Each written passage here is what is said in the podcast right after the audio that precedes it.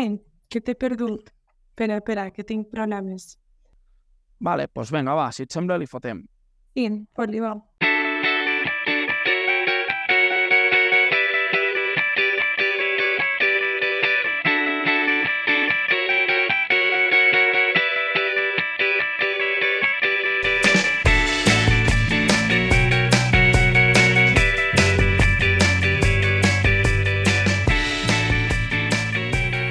Bones a totes i tots i benvinguts a Enginyers del Podcast, l'espai sonor on despullem la professió d'enginyer i naveguem per tots els racons que ofereix aquesta professió. Salutacions de qui us parla, Miquel La Torre, i com que l'Ariadna treballa a l'agost, em quedo sol per donar la benvinguda a l'entrevistada d'avui. A l'altre cantó del micròfon tinc un dels joves talents de la demarcació de Lleida, dels enginyers industrials de Catalunya. Per aquells que ens sentiu amb més atenció, eh, el seu nom segur que us sonarà d'alguns butlletins de notícies dels darrers mesos. Enginyera Alier, i guanyadora del Premi Creativitat Joves al millor projecte final de màster dels EIC. Benvinguda, Clàudia, a Enginyers al podcast. Hola, Miquel, moltes gràcies per invitar-me a aquest podcast tan guai que fou des del Col·legi d'Enginyers. Estic super contenta de poder estar aquí. bueno, ja veus eh, que aquest any, aquesta temporada, estem fent uns fitxatges estel·lars aquí a, a Enginyers al podcast. Eh, no, no hem aconseguit complir la regularitat, tot i que no anem malament, però això d'anar publicant sí o sí aquest any se'ns ha complicat tant a l'Ariana com a mi moltíssim, però a més de feina i premis volem saber avui qui és la Clàudia i això fa que no et puguis escapar dels enginyers del test, la bateria de preguntes per conèixer-te una miqueteta millor. Eh, com que no està l'Ariana, eh, avui me les he de menjar totes jo, per tant la compromesa també te l'hauré de fer jo. Estàs preparada? Jo crec que sí, veurem, veurem. Vinga, va, som-hi. Eh, bueno, les preguntes te les saps, que sempre fem les mateixes a tothom, eh? per tant no et, poden, no, et pillen, no et pillen com a mínim de sorpresa. Comencem per la primera. L'enginyeria ha estat sempre la teva vocació o és quelcom que et va venir després? La veritat és que em va venir després. Vaig decidir estudiar enginyeria i més enginyeria química quan feia segon de batxillerat. Bueno, així et va venir de... Va, va ser rozando, rozando el larguero. I què et va fer eh, decidir-te per voler ser eh, enginyera química? Uf, jo de petita volia ser me metge forense, però clar, quan ets petita no et penses que, que has d'estudiar medicina, que has de fer el MIR, que, que després t'has d'especialitzar, etc. Llavors, quan estava a l'ESO vaig decidir canviar directament de... Vaig oblidar medicina perquè la nota de tall és altíssima també.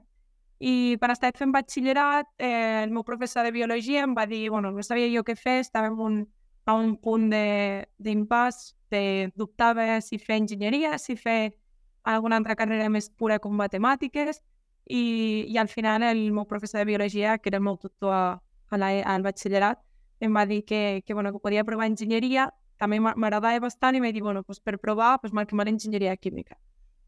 Llavors vaig, me vaig matricular per, per a veure si m'agrada i com crec que bastanta gent li ha passat, te, provo i a veure si m'agrada. Bueno, és, és algo, de fet és algo habitual perquè eh, al final hem de decidir el futur tots plegats, eh? hem de decidir el, el futur professional quan som relativament joves i amb un desavantatge important, que és que la gran majoria ha treballat poc o relativament poc. Per tant, la visió del món laboral i del que implica una professió o una altra es limita al contacte que s'ha tingut amb aquesta professió. I, per desgràcia, eh, els enginyers, que són presents a tot arreu, no, no som una peça especialment visible dels engranatges. Sí que, evidentment, si ens n'anem a enginyeries aeronàutiques i aquests temes sí que és, és molt visible, però si no, l'enginyeria no és tan, tan, tan punta de llança com ho pot ser un metge o un bomber, eh, que són professions que, que sempre fan patxoc a tothom, sobretot quan són petits, i per tant és complicat. De, quan ja et vas decidir, què és aquella cosa que et va fer clic, que et va dir, vinga, va, per això mm, vull fer enginyera? Jo el primer any el vaig, el vaig començar a cursar a la Politècnica de Manresa i, i allí era com, com a Lleida, que són el primer any i és bastant comú. I, i en el laboratori, sobretot a, a física i, i a la part de química, vaig dir, ostres, això pues, pues m'agrada. Llavors vaig veure que m'agrada enginyeria química i vaig dir, pues me canvio a la Universitat Rovira i Virgili. I, i totes les pràctiques, tot, tot, le, tot el que es feia allí i el fet de tindre gent professional de, de les empreses de Llit Tarragona vaig dir, ostres, pues, això sí que m'agrada. Per què no? Vale, i després vas fer el màster. Eh, A Sí. què, què, et, què et va fer decidir a, a, continuar, a avançar i, a, i una miqueteta a, a fer més transversal la, la formació? Perquè al final, aquí també és veritat que aquí a Enginyers al Podcast estem bastant acostumats a, a entrevistar alumnes EPS, UDL, i per tant l'enginyeria química no és una opció. No, és, no, no és, Bueno, no ara entra, comença ara comença, però- perquè- però dels que, entre, dels que hem entrevistat fins ara, i els que tenim una miqueteta més d'edat, eh, que no tanta, eh, però, però clar, al final, i en tinc 32, no deixa de fer, no deixa de fer ja pràcticament 15 anys que vam passar per, per l'escola, que vam començar a entrar a l'escola, i, i clar, la, hi havia mecànica, eh, i, i ara, ara ja hi ha més ventage, ara comencen altres modalitats, però no és habitual. Llavors, què et va fer fer aquest canvi de dir d'enginyera química a, a enginyera industrial, que és, que és algo molt, molt més genèric i transversal? Jo vaig fer el meu últim curs de- d'enginyeria química, em vaig, en lloc de fer Erasmus, em vaig anar a fer un CQE a la Universitat de Granada i va ser l'any del famós Covid. És a dir, jo vaig acabar la carrera, eh, el, un- al març ens van tancar, jo estava a Granada, vaig tornar cap a Mollerussa, vaig fer tota la quarantena a casa fent el treball final de màster, ai, final de grau, perdó, i, i clar, vaig acabar i vaig dir, què faig ara? La meva intenció era, si tot hagués anat bé, tornar a Tarragona, fer el màster d'enginyeria química o fer el doble màster de química i industrials i, i entrar a treballar. Però el Covid ho va, ho va trastocar tot i llavors buscant, buscant, perquè sabia que volia fer un màster, però, però clar, eren molts diners, no podia treballar perquè moltes empreses feien ERTE, feien EROS, etc. Llavors vaig, vaig buscar la Universitat de Lleida, perquè és la que em quedava més a prop de Mollerussa, i veure que feia això de la formació dual, i vaig dir, vale, doncs comences a treballar en una empresa que, està, que pot estar molt bé, pots agafar, començar a fer experiència laboral, estàs treballant pels matins, estudiant per les tardes, i vaig dir, home, doncs, per què no? I, I la veritat és que el màster el recomano bastant. I sobretot la part del, de la formació dual t'obre moltíssim les portes. I és per això que vaig, al final vaig fer el màster de- d'enginyeria industrial. Veus, una, una altra de les coses que amb els anys milloren, no només el vi, eh, el, la, la, la possibilitat aquesta de poder fer la, la formació dual és, em, em sembla super enriquidor per la gent que, que veniu al darrere. Jo no vaig tenir l'opció, jo vaig fer, vaig fer les pràctiques, les pràctiques a, a la Politècnica al grau. Bueno, jo sóc enginyer tècnic al final, eh? Ojo, jo em vaig treure la tècnica i després vaig fer el màster. Però l'enginyeria tècnica ja eren obligatòries les, les pràctiques i em va semblar fantàstic i extremadíssimament curt. Se'n van fer molt curtes perquè és quan, quan tens un problema real eh, i, i has de passar, la, has de extrapolar els teus coneixements teòrics a, a coneixements pràctics reals, és quan realment aprens. I és quan has de fer aquells intensius de coses que no sabies ni que existien per poder-te posar les piles a, i poder resoldre el problema. Pues em sembla fantàstic. Eh, bueno, Les pràctiques del, del grau parlant d'això són super poques hores en comparació. O sigui, tu acabes una, una carrera, fas, no sé si són 320 hores, i, i no pots decidir realment si t'agrada o no t'agrada treballar d'això o si vols seguir-te formant. Llavors, la part bona del, de la formació dual és que estàs dos anys formant-te, tant al món laboral com a, com a la universitat. Llavors, pues, la veritat és que totes les universitats haurien, els màsters haurien de començar sent així. bueno, i que surts amb feina. És a dir, sí, ja, com a Sí. mínim surts amb feina. Tens la possibilitat, els enginyers sempre sortim amb feina, per sort, ara, creu amb els dits, no es veu això al podcast, però creu els dits. Eh, però tenim la sort de que feina no en falta. I sempre sortim amb feina. Millor, pitjor, la que volíem, la que no volíem, sempre hi ha feina. Però sí que la, la veritat és que poder fer unes pràctiques i poder entrar en una, en una empresa, conèixer-la Vulnerades. ser remunerades, però conèixer-la amb un nivell baix de responsabilitat, podent aprendre, podent ser ensenyat, per després poder demostrar la teva valia. Amb dos anys et dona temps a molt. Pots demostrar la teva valia i pots demostrar a l'empresa que el dia que definitivament eh, finalitzes els estudis eh, val la pena que es quedin amb tu. bueno, de fet, em, em consta de que hi ha una molt bona taxa d'èxit de, de, de gent que es queda a les empreses fent les pràctiques.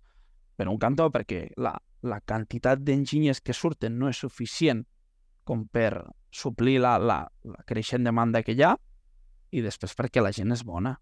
La gent treballa i la gent es guanya el lloc i poder-se'l i poder-se'l guanyar anar guanyant responsabilitats a poc a poc i sense haver de rendir al 100% des del primer dia eh, és un avantatge. És a dir, a les feines en general, si al president dels Estats Units li donen 100 dies de cortesia, amb una persona que, que encara està estudiant, donar-li dos anys em sembla més que just per poder demostrar la seva valia i, i, i a més és super enriquidor. Totalment. Vale, bueno, seguim, que si no ens perdem amb... Eh, ja t'ho he dit abans, abans de començar, t'he dit que això del guió que tenim i que la gent des de casa que ens està escoltant o des del cotxe, no, estem compartint pantalla, ja la Clàudia li vaig enviar un guió que ja m'ha ja brenat tres vegades, o quatre. Eh, llavors, ens ensenyarem almenys a, a l'enginyers el test. Eh, segueixo amb la següent pregunta. Quin ha estat el, de la teva de la part de la vessant professional, ara, quin ha estat el, el millor moment, el que recordes amb més carinyo d'aquesta experiència professional com a enginyera? Com t'acabo de comentar, fa poc que estic a, a l'IER, de fet. Ara fa aviat al setembre, farà tres anys que estic allí i dels dos han sigut de formació dual, no tinc molta experiència a dintre l'empresa, però, però sí que, que puc destacar totes les primeres postes en marxa encara que siguin simples, simples postes en marxa com més ficar una bomba eh, sense poca complicació. I però són coses que mai he fet i, esclar, pues, les primeres vegades sempre fan il·lusió. Bàsicament me quedaria amb, amb les primeres vegades al, a la feina. Tens una sort, i és que la professió que tenim, això no s'acaba. I, de fet, és una de les... Si, si a mi em fessin aquesta pregunta, eh, la teva resposta te la compraria també. Perquè com a enginyer, jo soc enginyer de manteniment, com a enginyer de manteniment no pots saber, evidentment, de tot. Eh, I sempre hi ha moltes primeres vegades de moltes coses i, i és super xulo. Però bueno, també hi ha una part dolenta.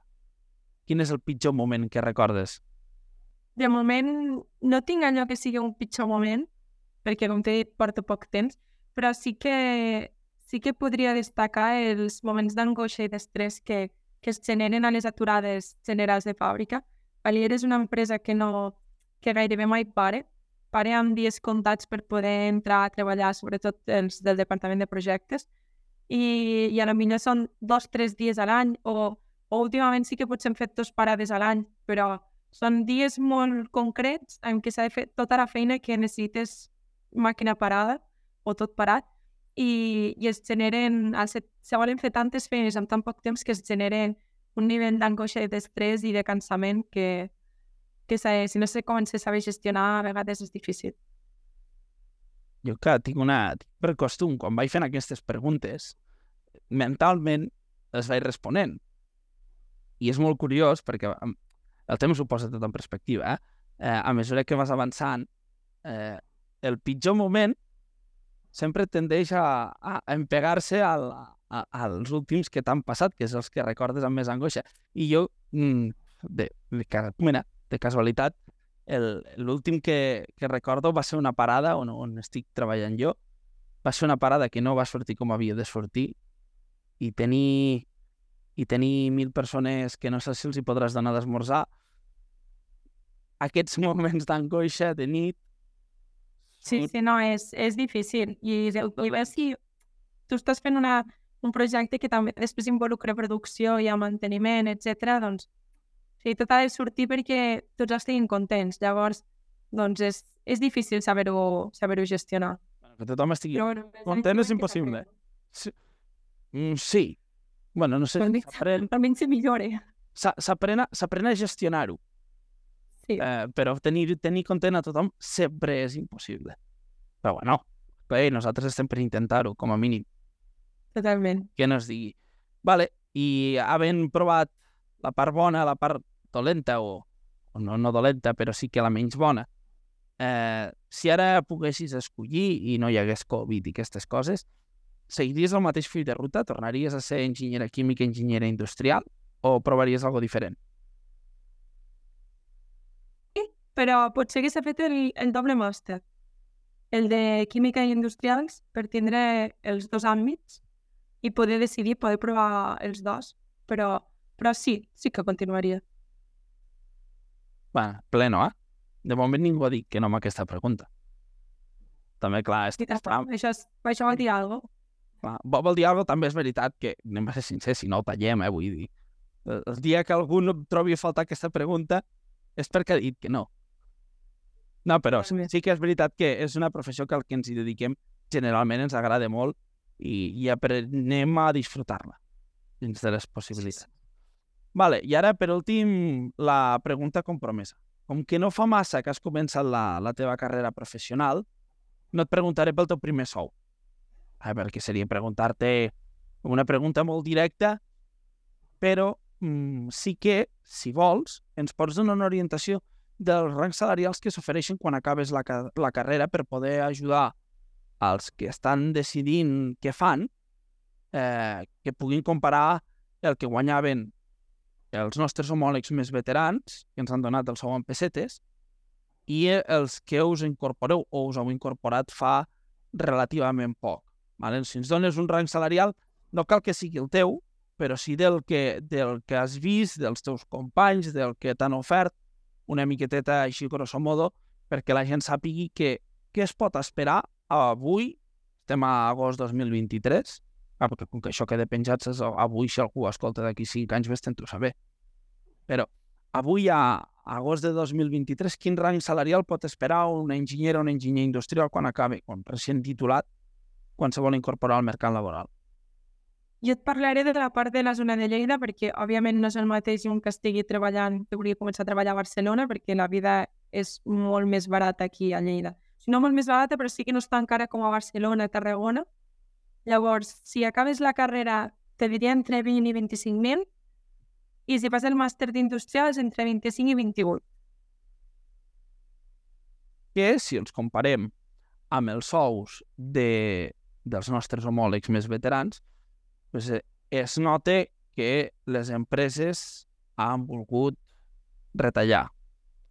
També és veritat que en els últims anys ha pujat, eh? i això és, és d'agrair, és d'agrair que es valori, que es valori la feina, perquè realment la crisi va fer, va fer molt mal. Ho dic, ho dic perquè quan, vam a, quan vaig acabar jo eh, el màster 28 semblava una xifra que estava molt lluny. Eh, També és cert que gairebé totes les empreses pare acostumen a fer un pla de carrera, perquè, vale, tu entres i dius, vale, a lo millor diuen 25, però ja et comencen a preparar per dir, vale, doncs un bon futur serà, jo sé, en 5 anys, serà aquests diners. Llavors tu ja entres amb un, amb un pla de carrera futur per, per saber cap on cap a on No, no, a més els hi val, és que si no, vull dir, si no és impossible retindre el talent. I, i jugar... La gent no té ganes, o crec jo, eh? Vull dir, això ja és una opinió personal, jo crec que la gent no té ganes de jugar al joc de és que allí em paguen una mica més, és que si marxo, la gent té ganes de d'engegar projectes, de fer projectes, de tancar projectes i començar projectes nous sobre els projectes que ha fet. I, i construir, i fer créixer, i fer, fer créixer, la- en el vostre cas la planta productiva, eh? però fer- fer créixer allà on estàs i, i millorar-ho i actualitzar-ho i després de l'esforç i de l'estrès i dels moments dels parons aquests, quan, si quan tens fet si quan tens fet el, el teu el teu projecte te fa, has de marxar, deixes la feina a mitges. I això és una miqueteta... bueno, no, no, és tan, no és tan agradable. Vale. Eh, fins aquí enginyers el test. Fàcil, oi? Llavors que comencem Sí. sense, Sí, sense sí, la veritat és que sí. No m'ha apretat, eh, t'hem deixat una mica relaxada, bueno, si no, si ens fundim el podcast al test, després no m'arribes al final. Però bueno, ara tornarem a repassar una miqueteta tot el que ha sigut la teva trajectòria, la part acadèmica, eh, hem de parlar del, del premi que ha rebut, etc etc. Vale, comencem pel principi. Ara vindria la pregunta aquesta de si tenies clar que volia ser enginyer industrial, però com que ja ens ho has explicat, perquè al test ens n'hem anat per les terres de Úbeda, eh, passem directament a que ens expliquis una miqueteta aquesta etapa com a estudiant a la Universitat Rovira i Virgili. Què és el que consideres que més et va enriquir? La Universitat Rovira i Virgili és, és una, una universitat espectacular per poder cursar enginyeria química, bàsicament perquè com sabeu, la, tota la indústria química i petroquímica està gairebé a la província de Tarragona i, i tenim bastanta formació directa des de professors que han treballat o que estan treballant actualment a empreses punteres, com podria ser Messer, Dow o, o Repsol, i, i això t'enriqueix com, a, com a persona.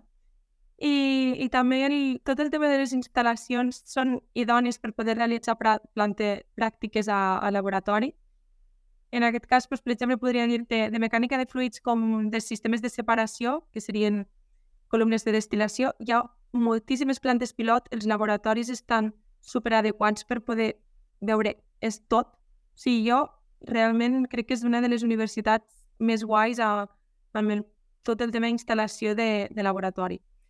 I parlant de nivell acadèmic, eh, la Universitat Rovira i Virgili realitza un, un avantprojecte integrat que és o sigui, és un projecte durant tot l'any que es treballen les diferents assignatures que s'estan cursant en, en aquell curs acadèmic. I, I consisteix en executar un projecte en grup que de normal es tracta de dissenyar eh, tot el procés de producció d'una planta química, com podria ser la de un disseny complet d'una planta de producció d'àcid acètic. I, i has d'aprendre tot el procés, eh, es dissenyen els equips de separació, els reactors, es fan tots els PNIDs, etc. I cada any canvies de, de projecte, canvien les competències que van segons, com he comentat, són les assignatures, i, i al final es fa una defensa davant d'un tribunal, o sigui, és com si fessis un, un treball final de màster, però en grup i ho fas cada any. I això és com a que apliques tots els coneixements i, i et dona una, una versatilitat després de, de pues, arribes al treball final de grau i dius, ostres, tampoc és tan difícil com et pensaves, perquè ja ho portes fent durant quatre anys, saps? I està, i està molt bé. Home, està xulo, està xulo, perquè a més, eh, com que et trobes amb el problema durant el curs, també tens el tens tot l'equip docent que els hi pots, els pots matxacar preguntes. És una de les coses sí. que a vegades dius, és que no he tingut temps de posar-me amb el que vam veure a l'última sessió. Aquí, com que ja ho vas veient, sempre pots... Correcte. Dona... El, el primer any l'avantprojecte del primer any era fer eh, combustible, en el nostre cas vam fer biodiesel, i havíem de fer muntar un cotxe que funcionés amb el nostre combustible i que corres certa distància i es parés a la, a la línia de meta. I són coses que, que pues, de normal ho faria i veus i cadascú comença les seves, les seves habilitats. Un és bo muntant cotxes, l'altre més cap a aquest costat, un més redactant. Pues, te fiques tot en comú i, i tot suma. Aprens, aprens molt. És una bona, és una bona publicitat. Perquè m'han entrat ganes de fer-ho a mi, vull dir. M'han entrat... Jo, soc dels que el cotxe, eh? I després vas passar al màster, que ja ens ho has explicat, i si parlem d'aquesta etapa del màster, hem d'escoltar la notícia del darrer butlletí. El passat 21 de juny Clàudia Pons, titulada del màster en Enginyeria Industrial per l'Escola Politècnica Superior de la Universitat de Lleida, va rebre un reconeixement per part de l'Associació Col·legi d'Enginyers Industrials de Catalunya en el marc de la Diada 2023, celebrada al Paraninf de l'Escola Industrial. Clàudia Pons va guanyar el Premi Creativitat Joves que otorga l'Associació Col·legi d'Enginyers Industrials de Catalunya amb el suport econòmic de la Fundació Caixa d'Enginyers als millors treballs de final de màsters universitaris d'enginyeria en l'àmbit industrial, defensat durant l'any 2022, amb el seu treball fi de màster en enginyeria titulat Estudi de l'optimització del tractament, la gestió, l'emmagatzematge de fangs de depuració d'una planta de producció de paper, dirigit pels professors Jerome Barró i Gerard Ferrer i defensat el passat 13 de setembre. Bueno, hem escoltat el tall del butlletí, eh, és obligatori Ara que et preguntem per aquest treball de final de màsters. Ens, ens en fas tu cinc cèntims? I tant. Doncs el, el meu treball final de màster va néixer de, de la necessitat d'Alier per poder estudiar l'optimització del tractament de fangs que s'obtenen del propi procés de depuració d'aigües. D'aquest procés, Alier obté dos, dos residus, que és el fang primari i el fang biològic, i el fang biològic ja ve d'un tractament tant aerobi com anaerobi, ja s'obté biogàs. Però, a més a més, aquest, uh, aquest fang encara té un elevat potencial bio biometanogènic que, que això vol dir que encara no acaba la seva vida útil i, i encara té potencial per poder generar biogàs. Llavors, amb, arrel de tot això, s'ha estudiat l'opció d'implantar un digestor anaerobi de fans per, per la generació addicional de, de biogàs per l'autoconsum a la planta de cogeneració que teníem a, a l'IER. I, i, aquest, I aquest treball inclou també una comparativa de pressupostos, de diferents plantes de producció, etc. I s'ha estudiat un, una planta de desulfuració per poder extreure tot el- tot l'àcid sulfídric de, tant del biogàs que es genera de, a la depuradora d'Alier com el, el biogàs que s'obtindria del, del reactor, del, del digestor que, que s'implantaria, um, bàsicament perquè aquest component és un component corrosiu i, i retalla la vida útil de, dels equips, en aquest cas de les calderes de, de biomassa i de cogeneració, i, i llavors, clar, doncs és una cosa bastant important a, a tindre en compte. I bé, doncs el, el projecte resumeix en fer un estudi de, de tot el que he comentat, eh, també s'explica el pressupost i, i les etapes de- d'execució de, del projecte el dia que es, que es comenci a executar. I, I això és tot. I aquestes coses que apareixen, que a la carrera es veuen menys i que després apareixen, que són el tema dels euros. Eh, Correcte. que eh, tot això és molt bonic i és fantàstic, però la part més important al final, que és la que tothom es mira del, del, del que surt del teu projecte, que és aquesta comparativa de pressupostos per poder eh, veure la viabilitat econòmica de la inversió. Vale? I ara mateix tu segueixes formant part de l'equip d'Alier, eh, el que has eh, explicat sona molt xulo, eh, però potser algun dels més joves que ens estan escoltant se'ns ha assustat. Diu, a part d'això, què feu a, a l'IER, els enginyers i les enginyeres? Jo et puc parlar dels enginyers de, de projectes, que és el departament on estic jo, eh, i ens, ens dediquem bàsicament a realitzar i dur a terme tots els, els projectes que, que ens ve des de direcció. Direcció decideix el que, el que s'ha de fer, com a gairebé totes les empreses. Llavors nosaltres executem aquests projectes. I, i això que inclou? Pues inclou fer un estudi previ, eh, establir els objectius d'aquest projecte i ja sigui amb els diferents departaments, com pot ser producció, manteniment, etc. per, per a veure per qui serà el projecte, doncs obtenir els seus, els seus objectius que es vol aconseguir amb allò. I també, doncs, per exemple, s'estudia la, la millor implantació dels equips, es fan tots els càlculs necessaris, ja siguin hidràulics, etc. I, com has comentat, doncs una, una comparativa de diferents pressupostos per dir, vale, s'ha de fer això, ha aquestes empreses que ho fan, aquestes ofertes, s'estudia totes les ofertes, es presenta a direcció per poder dir, d'acord, es tirarà endavant, no es tirarà endavant, i, i per altra part, sobretot el tema de les subcontractes.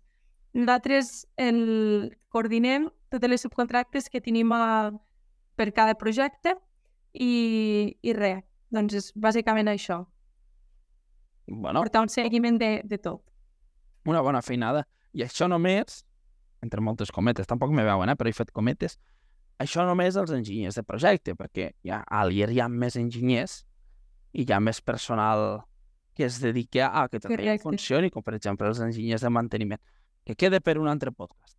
Però perquè qui ens escolti sàpigui que no només s'acaba així, és a dir, que una indústria eh, necessita de molt potencial tècnic i molt coneixement al darrere per fer-la funcionar, perquè segueixi i perquè aguanti durant el temps i es pugui adaptar als nous requeriments del mercat. Vale, i ara tu hi I portes... enginyers de procés també, Sí, que no ho sembla, però són superimportants. sí, sí, que són els que fan que tot, que tot engrani. Correcte. Eh, ara portes tres anys aquí, ens pots contar, que no sigui confidencial, eh? algun projecte així xulo que hagueu executat durant aquests anys? Personalment estic treballant en un projecte que es tracta de la reducció del consum d'aigua fresca de fàbrica. És un projecte molt gran que no està que s'està executant però no està en funcionament. Així que no és una cosa que hauré fet jo, però ho explico.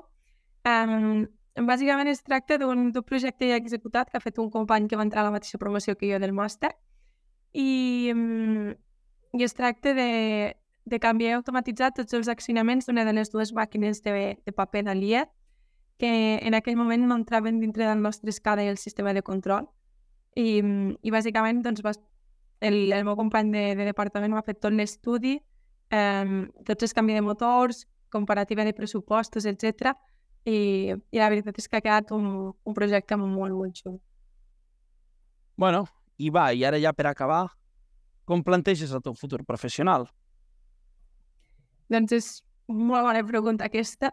Eh, no sabem bé com el plantejo perquè actualment em trobo bé realitzant les tasques que, que estic fent, però potser no és una feina que viveix tota la vida, bàsicament perquè, perquè potser m'agradaria més provar la part d'estar treballant en una enginyeria realitzant projectes per a altres empreses o, o siguin projectes més enfocats en enginyeria química i el tractament d'aigües o, o d'economia circular.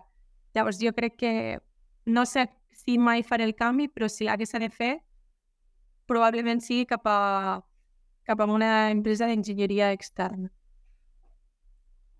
Bueno, és, és xulo. Ai, jo hi he estat i és, i és xulo. Sí que és veritat que el know-how que tens podent treballar per, diguem, per, per qui realment rep el projecte, és impossible tenir-lo des de fora, però és una visió, és una entrevisió del nostre, de la nostra realitat laboral molt xula.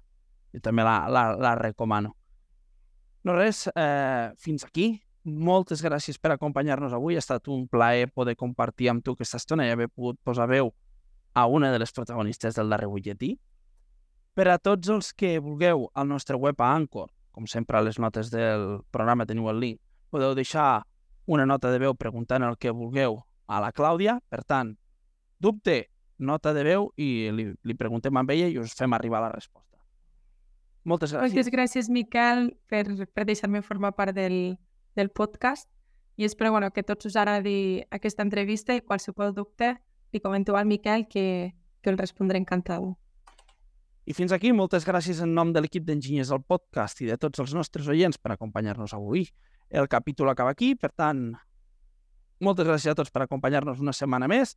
Recordeu seguir el podcast a la, nostra, a la vostra plataforma preferida i recomanar-lo als vostres amics coneguts i saludats. Si teniu algun suggeriment o queixa, ens el podeu fer arribar a lleida.eisa.cat i estarem encantats de llegir-vos. Enginyers el podcast acaba avui aquí. Ens escoltem en el proper capítol amb una nova companyia i un altre punt de vista de la nostra professió que de ben segur no ens deixarà indiferents. Salut i molta enginyeria.